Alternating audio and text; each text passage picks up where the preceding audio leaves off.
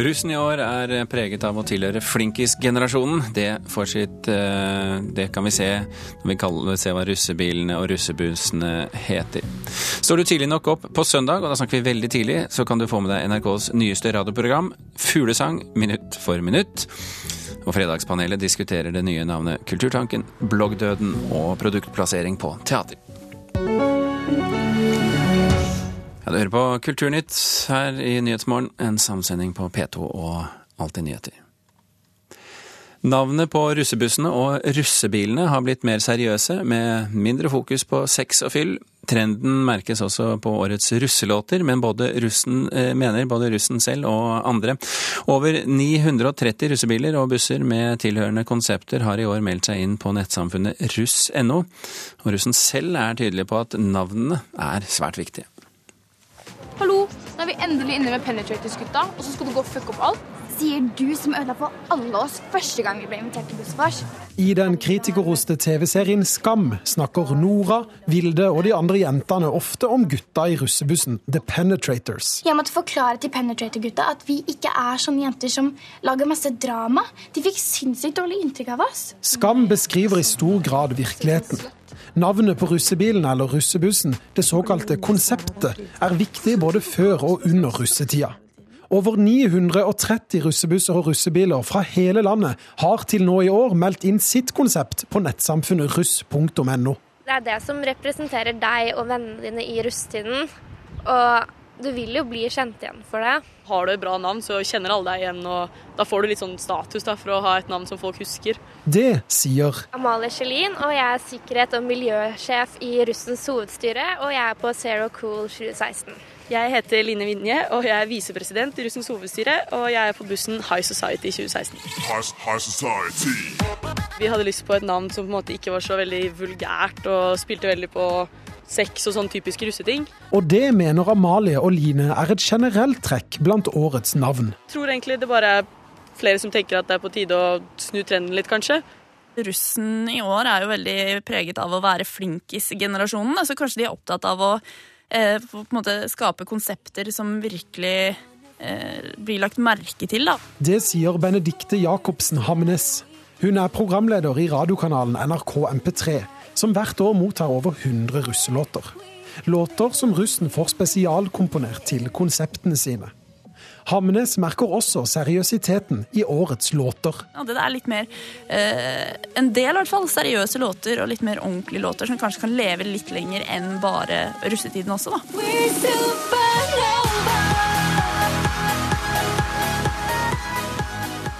Hva de kaller eh, russebussene sine, eller russebilene, sier jo også mye om eh, språkholdningene blant ungdom. Det sier Daniel Ims, seksjonssjef i Språkrådet. Det ser ut til umiddelbart at det er eh, flere engelskspråklige navn. Og Hva syns Språkrådet om det? Språkrådet liker jeg ikke det. Det kan nok også ha med det å gjøre at mange, en del navn eh, bare er eh, er direkte tatt fra en film eller serie.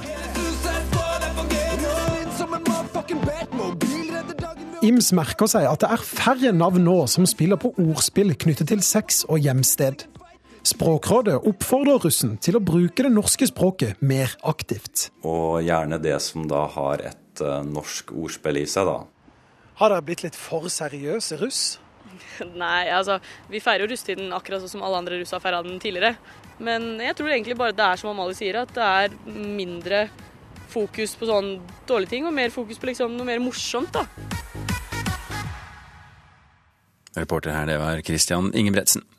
Vicky Valle Hansen fra analysebyrået Opinion, velkommen til Kulturnytt. Takk. Hvorfor er disse russekonseptene så viktige for ungdom?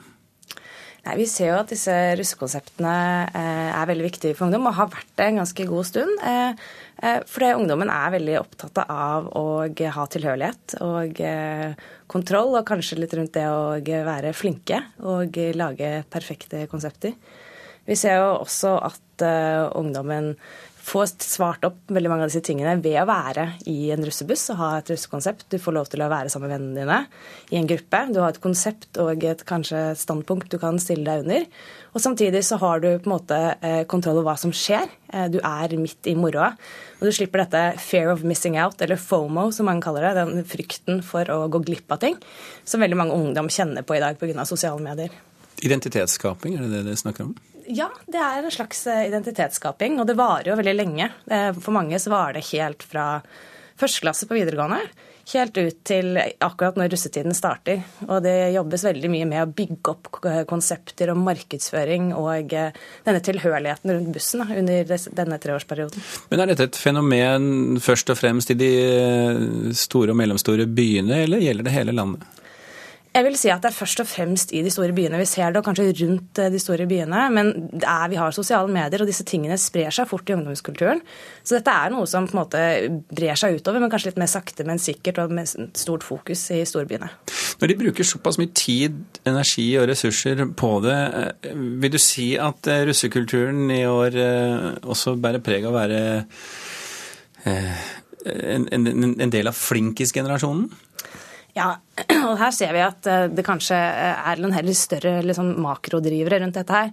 Det er, eh, Ungdommen er, lever i en verden som er ganske usikker. De opplever ganske mye uro både politisk og unnskyld, økonomisk. Og så lever de i en verden med mye mediepress og mye sosiale medier og internett. Og de tar inn utrolig mye informasjon.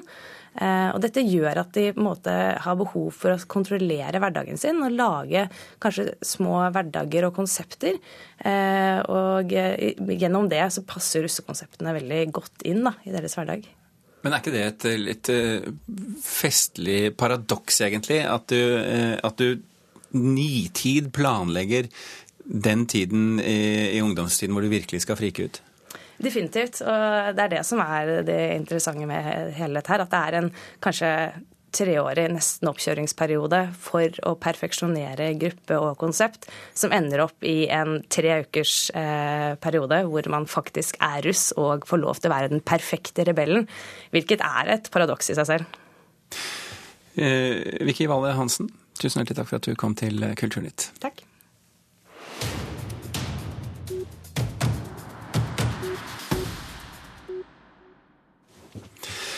Sentrale tillitsvalgte i mediekonsernet Skipsted er lettere provosert. Reporter Christian Ingebretsen, du har lest avisen i dag. Hvorfor?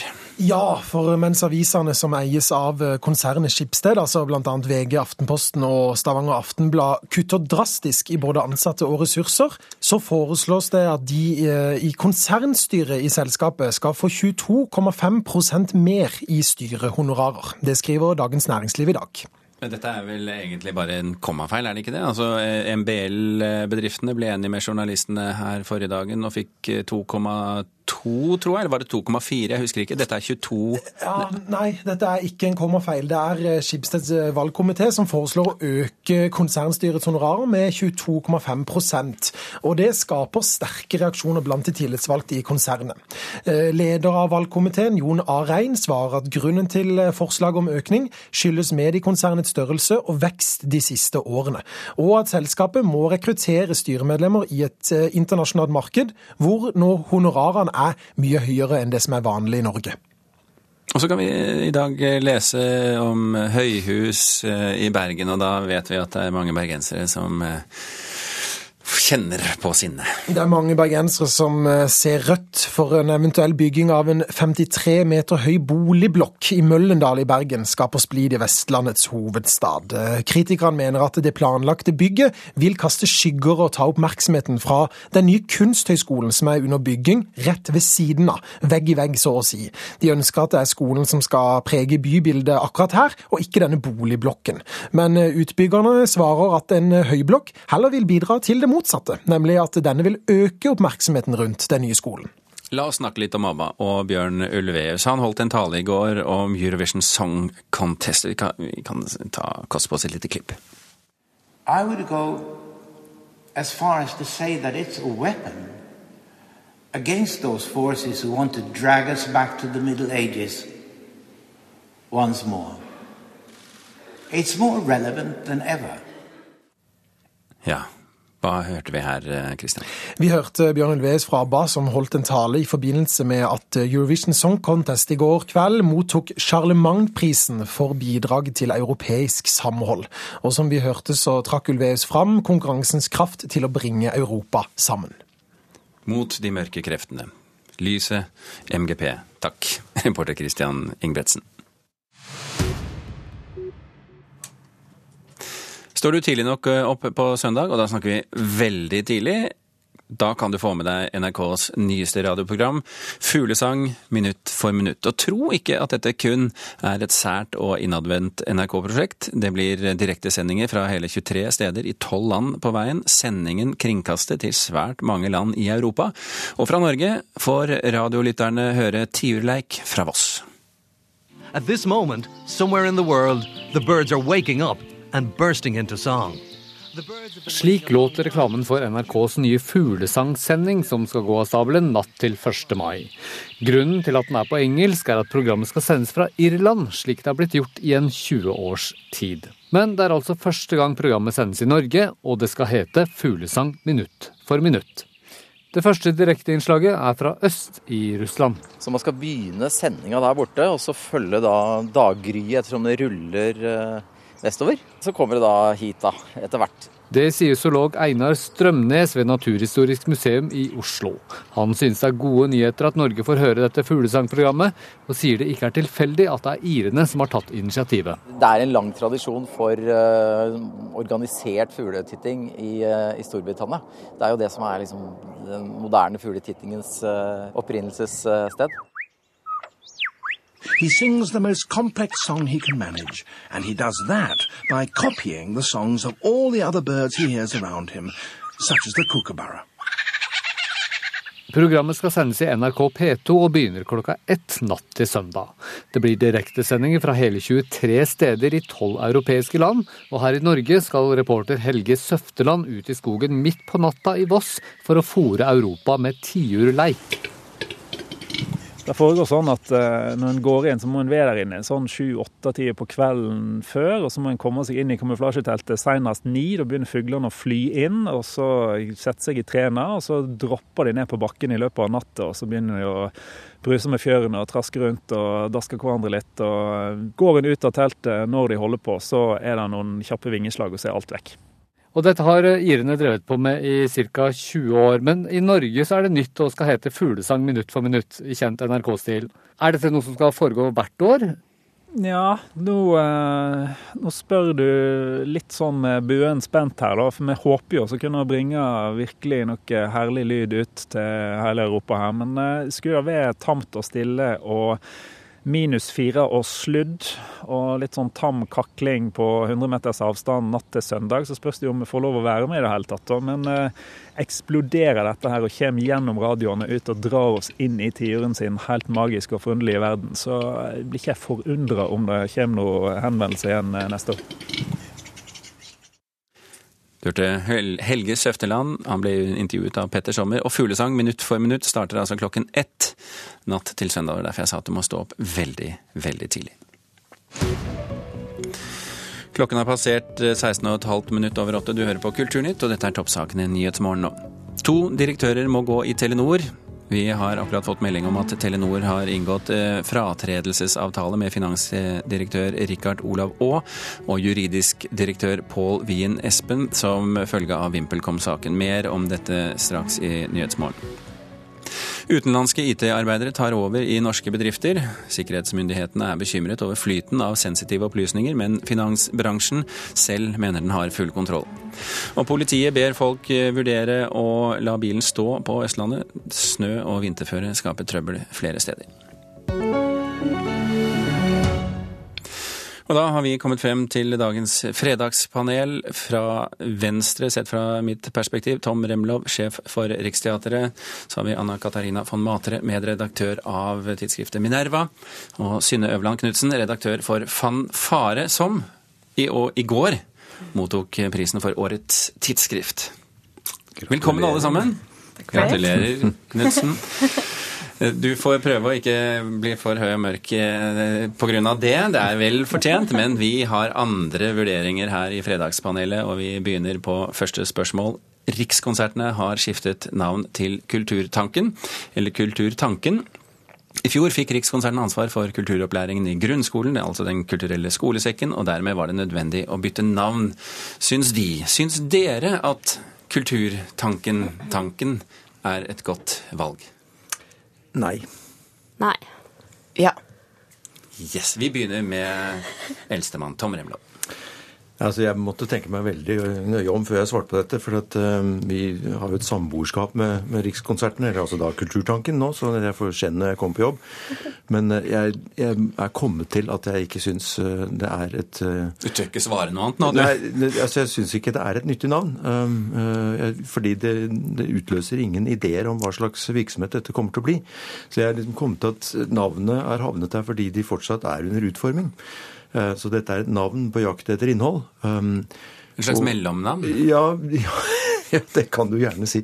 Slik opplever jeg det, for å være helt ærlig. Altså Selv din intro nå, som beskriver da denne virksomheten, den er jo ikke dekkende for hva de, hva de har satt seg fore å ta seg av. Det er ikke kulturopplæring i grunnskolen de skal drive med, de skal drive med fryktelig mye annet. Mm.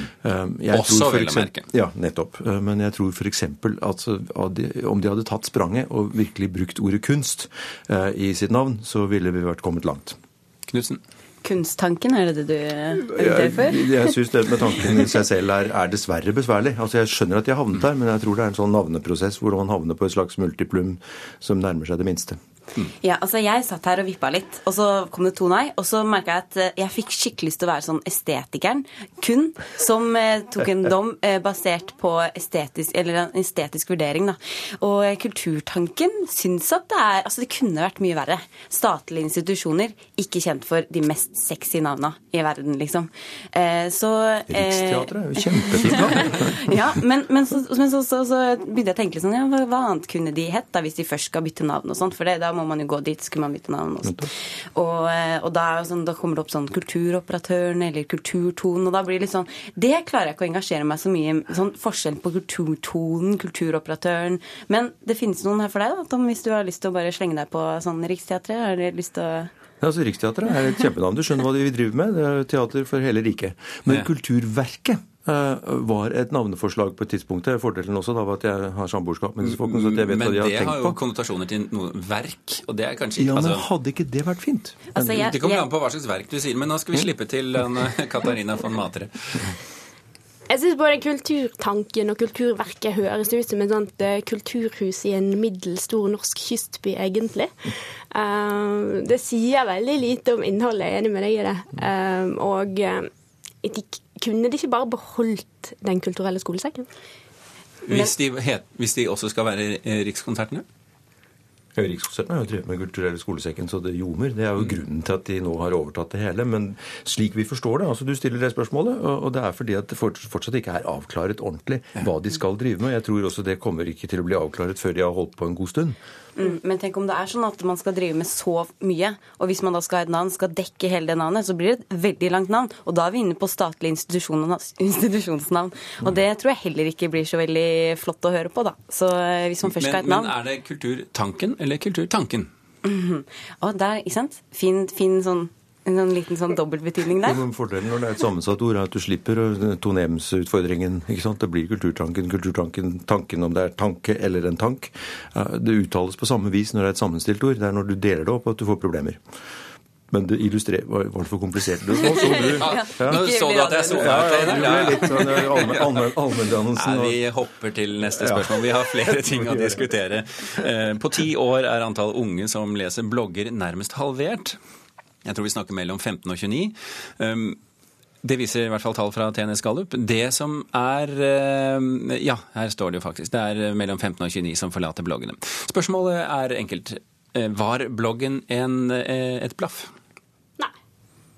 Nei. Nei. Nei. Anna Katarina von Mate. Um, Faktum er altså Faktum er at det er de unge Folk som forlater. ja. Og det, du kan si at De unge er de mest nådesløse eh, brukerne av internett. Det er litt som at liksom, hipsterne forlater en trend. Ja, det, det Fortell meg noe nytt. Det, det sånn, sånn er det bare. Um, Og det ville vært rart om bloggen skulle holde seg på samme nivå i 2016 som man gjorde i 2007. Eh, før Facebook, før Instagram, Snapchat, alle andre mulige kanaler. Men han holder jo greit stand. Det fins masse nisjeblogger, de er ikke så kule for de unge, men for sånne på min alder, da, så er det ganske Og hva er din alder? Min, ja, skal du spørre om det? Ja, jeg må spørre om det. Mm. Men når man snakker om sånn skalerbarhet i sånn bedriftsverden, så er det jo sånn, da starter man sånn innerst. Det er sånn, først blir det hipt, ikke sant? så er det hipsterne omfavner det. Og så utvides det. Og da er det sånn alle liker det. Og da faller hipsterne fra. Men da er det fortsatt økning, da. Veldig mange flere. Og det har jo ikke skjedd her. Men jeg tror det er mer sånn en liten tilbaketrekning før alle disse som nå har sittet i, og tenkt på å lage blogg i mange år, men som har ikke følt det fordi det har vært så hipt og det har vært så mye og sånn, de kommer til å kaste seg på snart og bare Nå er muligheten, fordi nå er det litt sånn Nå er det ikke så mye blogg. Da er det, nå ser jeg mitt snitt, da. Så dette er liksom undulaten i gruven? Nå, nå varsler den om at nå er det fri bane? Skal ikke se bort fra at jeg, at jeg gikk rett på prisutdeling i går og hadde en liten samtale med en, eh, en sjef i norsk kulturliv som sa sånn Som bare droppa inn liksom litt, sånn, litt, litt, litt, senere. Sånn Ja, han hadde tenkt å starte blogg eh, noen år, da. Så, ja. så, så det kommer noen 40-åringer eh, nå og, og introduserer sin, sin, egen blogg. Hva med, hva med deg, Tom Remlo? Nei, altså, Jeg har vurdert blogg uh, lenge, og uh, må jo bare vedgå at det har jeg da ikke gjort.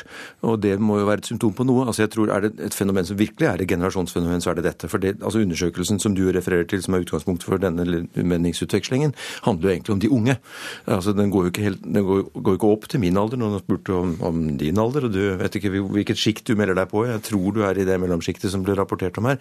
Poenget er at uh, den, det som jeg interesserer interesserer meg for av meningsytringer, det kjenner jeg meg egentlig sikrere på at jeg skal bruke tid på hvis det er redigert på en eller annen måte. Med andre ord hvis det står i en sammenheng hvor en redaktør har utøvd et skjønn, sånn at det er vits i å bruke tid på det.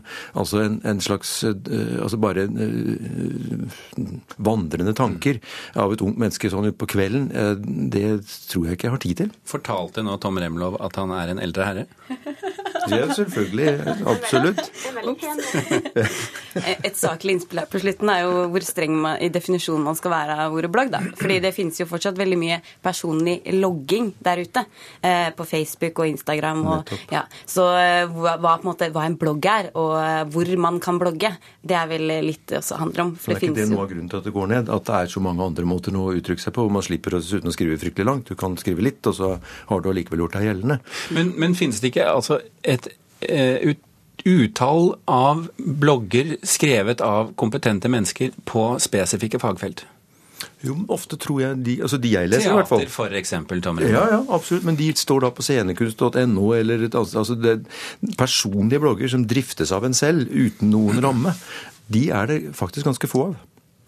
Vi hopper til eh, neste spørsmål, eh, og det er som følger, eller i hvert fall tema. Rogaland Teater solgte seg altfor billig da de fikk 50 000 kroner fra Ikea. Det mente BI-professor Ann-Britt Gran i Kulturnytt denne uken.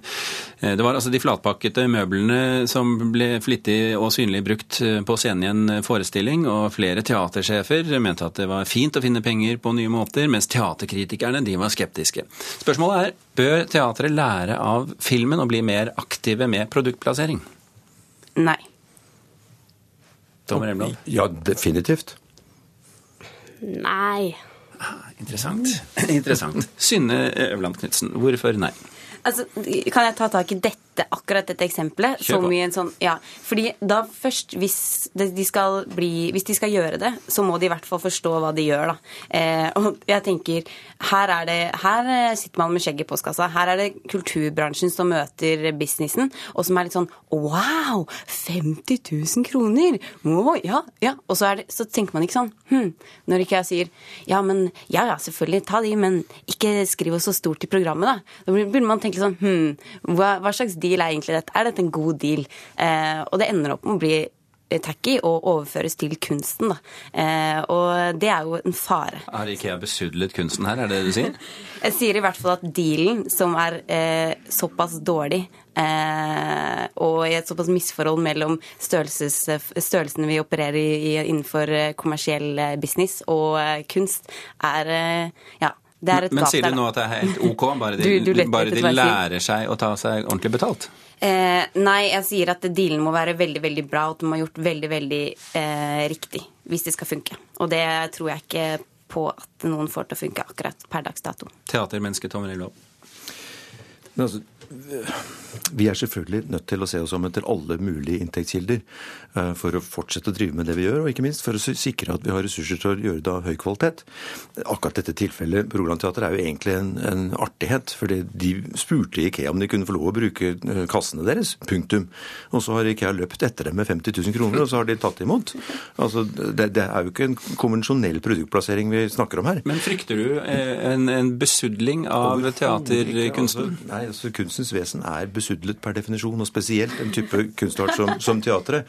eh, Fordi den er kollektiv, eh, den forutsetter manges eh, samarbeid, og den forutsetter et møte i tid og rom, hvor man altså inngår kompromisser en masse. Når begynner liksom elendigheten? Begynner det med at det er reklame i programmet? Begynner det med at det er Kulturdepartementet som har bestemt hva du skal innrette deg mot, osv.? Altså, det, Det ligger i sakens natur at dere er Stakkars William Shakespeare. Han hadde en hovedsponsor, hun het Elisabeth, en annen, den første, mener jeg. Og det var jo, det påvirket ikke hans kunst spesielt eh, Ja, det vet vi vel kanskje ikke ennå. Jo, det tror jeg kanskje vi har noen slags Anna oversikt Katarina over. von Matre. Ja, teatret befinner seg alltid et sted mellom staten og markedet. Eh, så jeg, der er veldig enig med deg i det, og jeg tror uh, uh, Grunnen til at jeg svarte nei eh,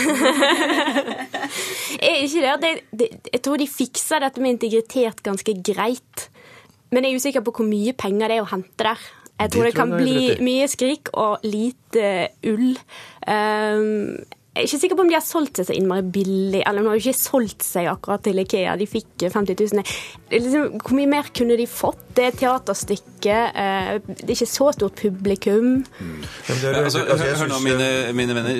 eh, Tiden får vise, det er det vi får si her. For det at eh, tiden er over for vår del, og vi må slutte av dette fredagspanelet i Kulturnytt. Tom Remlov, Anna Katarina von Matre og Synne Øverland Knutsen, takk for at dere var panelet vårt eh, i dag.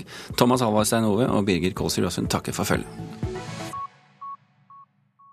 Hør flere podkaster på nrk.no podkast.